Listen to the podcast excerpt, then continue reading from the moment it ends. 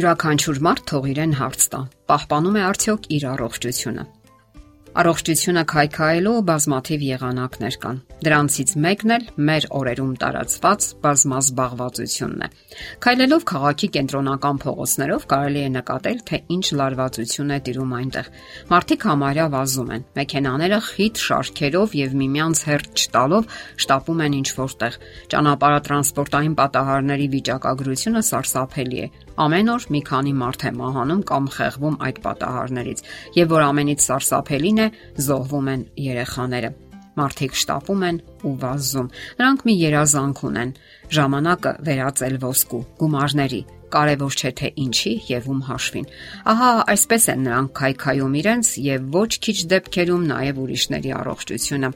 Իսկ ինչքան կարող է այսպես շարունակել։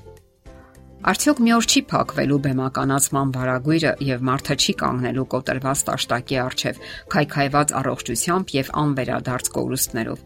Նշանավոր գրող Ջեք Լոնդոնը Մարտին Իդեն իր նշանավոր ստեղծագործության մեջ նկարագրում է, թե ինչպես հերոսը փորձելով հաջողության հասնել գրական եւ պարզապես սոցիալ-նյութական ասպարեզում հսկայական ժամանակ է վատնում, թե անընդհատ սովորելու եւ թե գրելու վրա։ Եվ այդ ամենն անում է իր քնի ժամանակի հաշվին Աստիճանաբար կրճատելով քնի տևողությունը նա այն հասցնում է 4 ժամի, սակայն հոգնած մարմինը դիմադրում է եւ նա ի վերջո ստիպված է լինում աստիճանաբար հետ վերադառնալ, սակայն օրգանիզմի սպառված ուժերն այլևս անհնար է լինում վերականգնել եւ հասնելով իր երազած մեծ հաջողություններին, թե սոցիալական եւ թե նյութական առումով նա հիասթափվում է կյանքից եւ ի վերջո ինքնասպան լինում։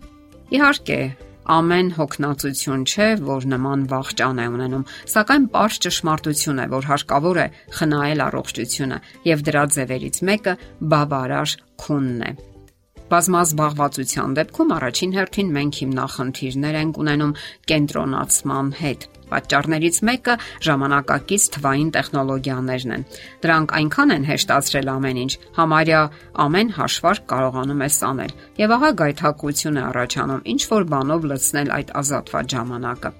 Օրինակ երաժշտություն լսել կամ նամակ գրել որևէ մեկին, ինչ գտնվում ես մեքենայի մեջ կամ էլ ինչ որ բաներ լայքել։ Դա այնքան հետաքրքիր է, Տպավորություն է, որ դու մասնակցում ես հասարակական կյանքին եւ ինչ որ բան էլ քեզանից ես տրամադրում։ Կամ էլ ինչ որ բան կգրեն, իսկ ահա դու, ինչպես քեզ թվում է, դուրս ես մնում ընթացիկ իրադարձություններից եւ ցանկանում ես լինել այդ ամենի կենտրոնում։ Իսկ մեր ուղեղի համար նման վիճակը ողջվում է բոլորովին էլ ված չէ։ Նման հետաքրքիր զբաղմունքների ժամանակ ուղեղը դոֆամին է արտադրում։ Իսկ երբ որևէ պայծառ բան ենք տեսնում, ասենք մեկը նամակ է գրել կամ ընկերության հրավեր է ուղարկել կամ էլ ընդունել է մեր հրավերը, դա էլ շատ է հրահրում մեր հետաքրքրությունը։ Այդ ամենից հետո բացում ենք փոստը եւ նամակներ հայտնաբերում։ Մենք ողջևորվում ենք եւ ուղեղը ապարգևատրում է մեզ դոֆամինի, հաճույքի հորմոնի որոշակի չափաբաժնով։ Եվ այսպես շատ արագ մենք ընկնում ենք կախվածության մեջ, անընդհատ զբաղված ենք, ինչ որ բան ենք անում եւ մեր ուղեղը չի հանգստանում։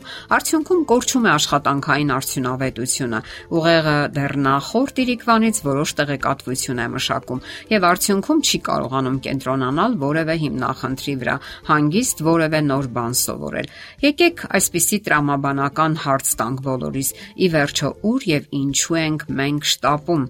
Յուրաքանչյուրը թող իրեն տա այդ հարցը։ Ստացվում է, որ մենք հաճախ փորձում ենք օրվա 24 ժամից քամել 25-ը, ինչն անհնար է եւ պարզապես անհուսալի վիճակ է ստեղծում մեզ համար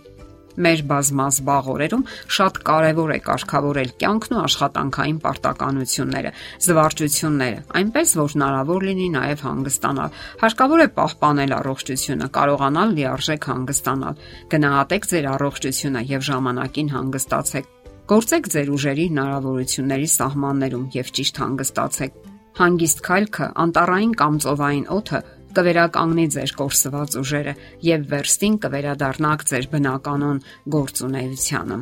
Նաև երբեք պետք չէ անտեսել քունը, այն պետք է լինի համակարգված եւ առողջ։ Ոչինչ պետք չէ անել քնի հաշվին։ Այդ դեպքում կսպառվեն օրգանիզմի pašարները։ Օրինակ բժիշկները ուղեղի ցնցում ստացած հիվանդներին խորհուրդ են տալիս պարկել մի քանի օր հանգիստ պայմաններում առանց ձայների, համակարգչի, հեռուստացույցի, պայծառ լույսի։ Այսպիսի պայմաններում օրգանիզմն ինքն է վերականգնում իր pašարները։ Ահա թե ինչու կարևոր է արթնանալուց անմիջապես հետո չանցնել մյուս վիճակը, այլ ստեղծել այսպես կոչված պաշտպանական գոտի եւ հանդարտ անցնել զգաստության վիճակին։ Իսկ թե որքան ժամանակ է անհրաժեշտ դրա համար, խիստ անհատական է։ Պարզապես հանգստյան օրերին փորձեք հասկանալ դա, թե որքան ժամանակ է հարկավոր կոնկրետ ձեր օրգանիզմին եւ արթնանալը կլինի ոչ թե դատապարտվածություն, այլ իսկապես բավականություն։ Իսկ գալիքորն էլ հետաքրքիր ու եզակի արկած։ Դե ինչ, խնայեք ձեր առողջությունը, կորսված հնարավորությունները այլևս չեն վերականգնվի։ Եթերում առողջ ապրելակերպ հաղորդաշարն է։ Հարցերի եւ առաջարկությունների համար զանգահարել 033 87 87 87 հեռախոսահամարով։